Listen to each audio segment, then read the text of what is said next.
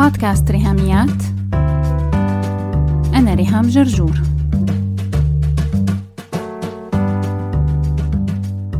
مرحبا. حلقة اليوم هي الجزء الثاني من موضوعنا بعنوان قص ولزق Crafting Your Life.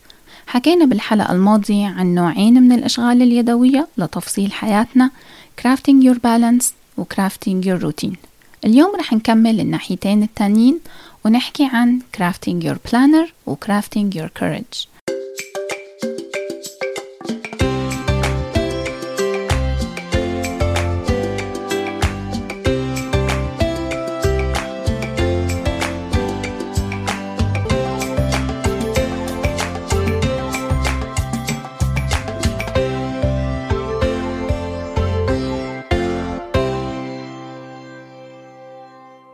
لو رجعتي لثلاثية الحلقات بعنوان خذي مكانك استعدي وانطلقي يلي هني من سنة بالضبط. كنا ختمنا فيهم سنة 2019 وافتتحنا 2020 وتحديدا لو سمعتي حلقة رقم 50 بتتعرفي على علاقتي أنا مع أجندتي الاختراع المسمى planner. كيف بدأت من ربع قرن أني أكتب مذكراتي وأقتني planner كل سنة من أنا وبالصف الأول الثانوي التخطيط أمر مهم جدا لأي إنجاز مهما كان سواء كبير وضخم أو صغير ويومي ومتكرر مثل مثلا أني أعمل جدول وجبات الغداء يلي رح أطبخها لعيلتي هذا الأسبوع أو أني خطط ماديا مصاريفي للجامعة خلال شهر شو رح أصرف مواصلات وأكل وتصوير ورق ومشتريات للدراسة.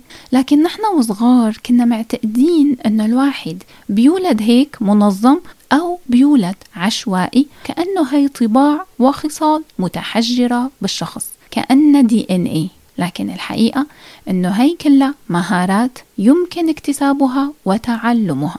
كتير بشجعك هالسنة إنك تشتري planner أي نوع أجندة بتفضليها.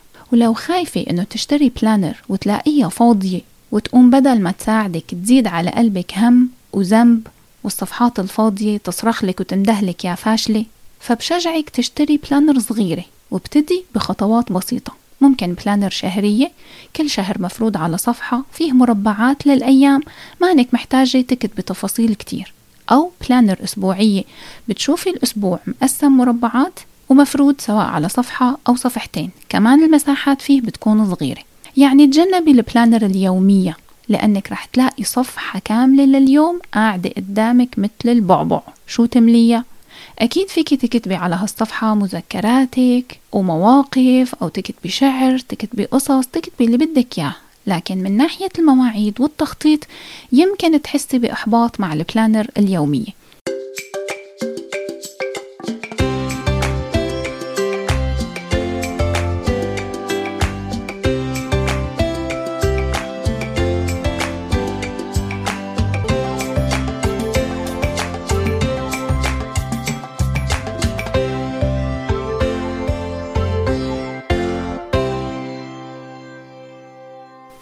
Life Book 2021 لا يغني عن ال planner لأنه فيه ثلاث رموز كل واحد مخصصت له أنا خمس أسطر وفي كمان سطرين إضافيين لرمز الهاشتاج.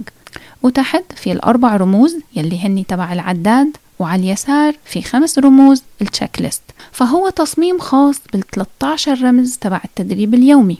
وبشجعك تكتبي لي إيميل على ريهاميات at gmail.com لو بتحبي ابعت لك تصميم Life Book مجانا تماما. أنت تطبعيه وتعمليه سواء يوميا أو كل كم يوم تكتبي فيه. لكن ال planner فكرتها مختلفة وطريقة استخدامها مختلفة وأهدافها مختلفة.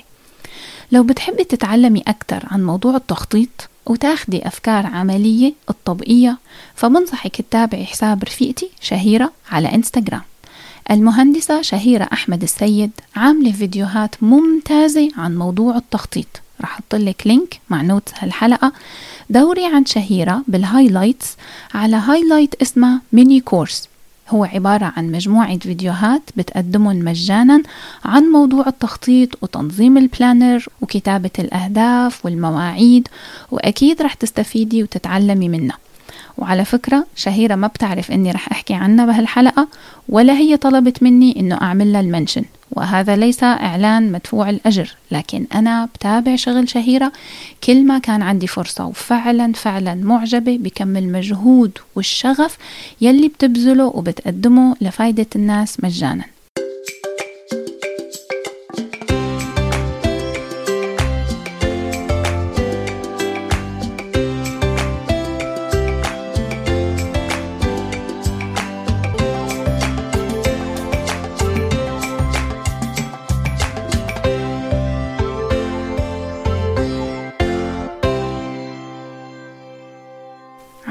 الكتابة اليومية بالنسبة إلي سواء بدفتر Life Book أو بال planner تبعي إنه الكتابة بتساعدني طبق هالمقولة. The most important thing is to keep the most important thing the most important thing. الشيء الأهم هو أن يبقى الشيء الأهم هو الشيء الأهم. أما بالنسبة للجديد يلي عم أتعلمه أنا شخصيا بسنة 2021 وبدأ أجرب طبقه لشوف إذا مفيد ولا لا هي فكرة تعلمتها إنه جنب to-do list تبعي لما أكتب قائمة المهام يلي لازم أعملها بكتب كمان to not do list قائمة المهام يلي ما لازم أعملها. شو فايدة ال to not do list إني فضي مخي من ضجيج بالخلفية عم يقلي بشكل متكرر مثل الزن تبع ال deep freezer. اعملي كذا اتصلي بفلانة خلصي الأمر الفلاني. فبيحسسني بتقل ومو شرط هالشي يلي عم يزن يكون عملية مهمة أو ملحة إني أعملها اليوم. لهيك بشيلها من راسي تماما إني خلص طالعتها وفضيتها على ورق وحبستها جوا ورقة المهام التي لن أنجزها اليوم. يمكن أنت وعم تسمعي كلامي تحسي إنه الخوف تسرب لك وإنك خايفة تجربي فكرة ال planner والتخطيط و life book وكل هالكلام. لكن خليني فعلا شجعك تاخدي هالخطوة وتجربي. صدقيني ما بتخسري شي. لو عطيتي حالك شهر أو ثلاثة شهور ربع السنة تجربة لأننا لو ما جربنا شي جديد فما فينا نتوقع نتائج جديدة. مثل لما بنقعد نكرر نفس الغلطة وبنستنى نتائج مختلفة. من وين رح تجي؟ لهيك حتى أتوقع نتائج مختلفة ونتائج جديدة لازم أنا نفسي جرب شي مختلف وشي جديد. وبعدين استنى وشوف وأحكم.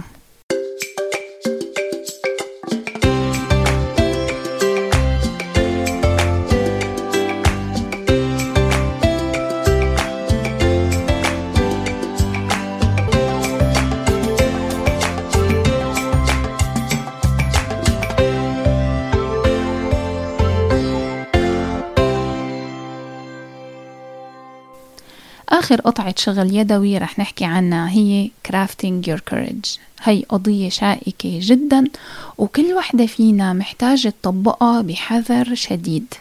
لأنك على قد ما أنك محتاجة الشجاعة أنت كمان محتاجة تحمي حالك. أمر مهم جدا إنك تشتغلي على الشجاعة وتعملي قص ولزق للشجاعة بحياتك والنواحي اللي أنت محتاجة فيها تكوني شجاعة. لكن بحكمة. حتى ما تتسببي بالأذى لنفسك وليلي حواليك.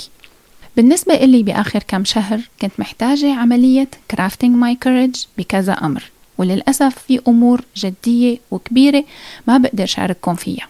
لكن حابة شارككم بناحية محددة هي شجاعة تسمية الأمور بأسمائها الحقيقية. ورح أعطيكم مثالين.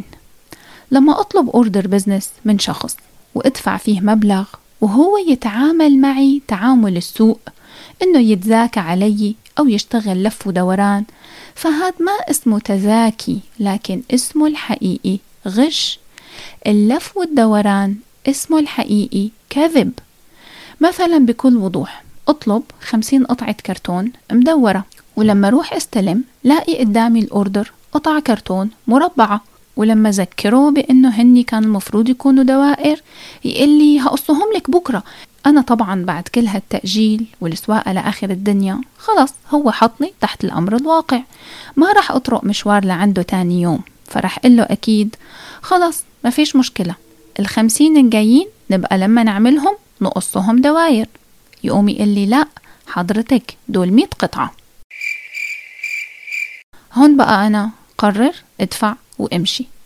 هذا ما بيعني إنه هو فلهوي زمانه وإنه أنا حمارة أو هبلة لكن هذا بيعني غش وكذب إنه يحطني تحت الأمر الواقع إني أدفع تمن مية قطعة مربعة وأنا طالبة بكل وضوح مكتوب خمسين قطعة مدورة.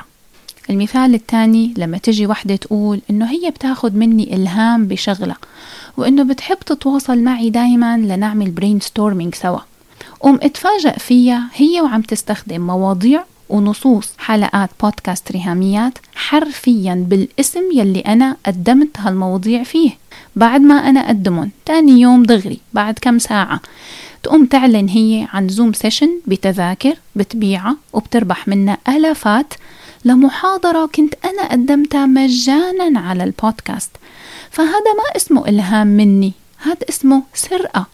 هذا ما اسمه brainstorming هذا عبارة عن تقليد حرفي copy paste إنه هي تبيع شغلي أنا وتتربح من على ظهري بمادة علمية ومهنية وأكاديمية أنا يلي كاتبتها. وأنا يلي اشتريت المصادر بنفسي وتكلفت فلوس ومجهود خرافي وقدمتها بالمجان. وهي تقول أنا جبت الحاجات دي من شخص ملهم أو من حد أجنبي. طبعا يلي بيعملوا هيك ما بيتجرأوا يذكروا اسمي. لأن لو هن فعلا صادقين وكنت أنا مصدر إلهام فيهم بكل شفافية يقولوا شكرا ريهام إنك خبرتينا عن الكتاب الفلاني. لكن لا هن بمجرد إنه يذكروا اسم ريهام راح ينفضحوا انهم ناسخين شغلي وسارقينه سرقة بدون ما يتعبوا هن على المحتوى تبعهم. أو يكلفوا حالهم ماديا لشراء كتب ومراجع يشتغلوا منها إعداد ودراسة وبحث وترجمة. لو طلعنا حوالينا منلاقي نماذج كتير لسلوكيات وتعاملات نحن محتاجين شجاعة تسميتها بأسمائها الحقيقية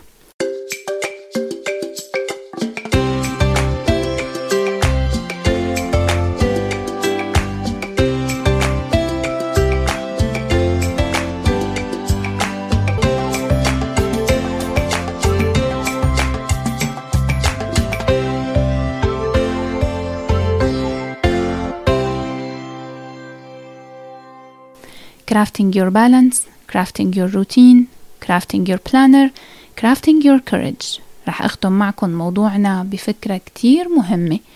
إننا لما بنعمل أشغال يدوية وقص ولزق أو طبخ بيكون عنا صورة وقدامنا كتاب أو نسخة عن الشكل النهائي.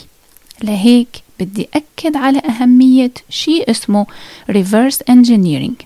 إنك تهندسي خطوات العمل بناء على المنتج والشكل الأخير يعني ابدأي من النهاية.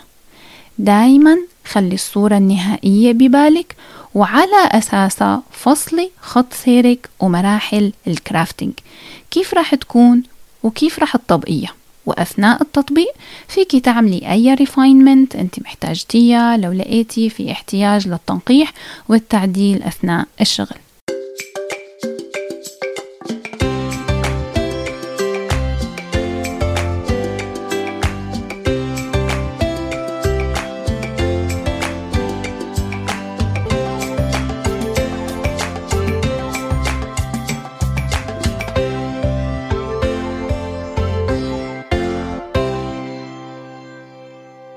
ودايما تأكدي إنه هالنواحي الأربعة لعملية crafting your life أنت يلي بدك تاخدي فيهم قرارات.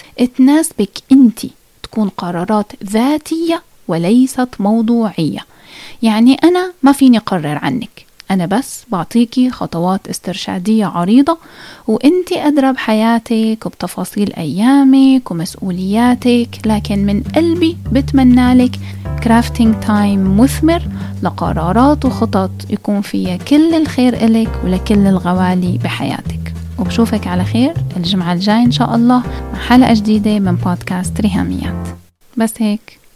لو عجبتكم الحلقة لا تنسوا تشاركوها على ال social media حتى ناس أكثر تستفيد. تقدروا تتواصلوا معي عبر الموقع الإلكتروني لبودكاست ريهاميات www.rihamiat.com أو تبعتوا لي إيميل على ريهاميات at gmail.com أو message واتساب على الرقم 020 12 79 709 719 وعلى الفيسبوك دايما تابعوا صفحة وهاشتاج ريهاميات. سلامات.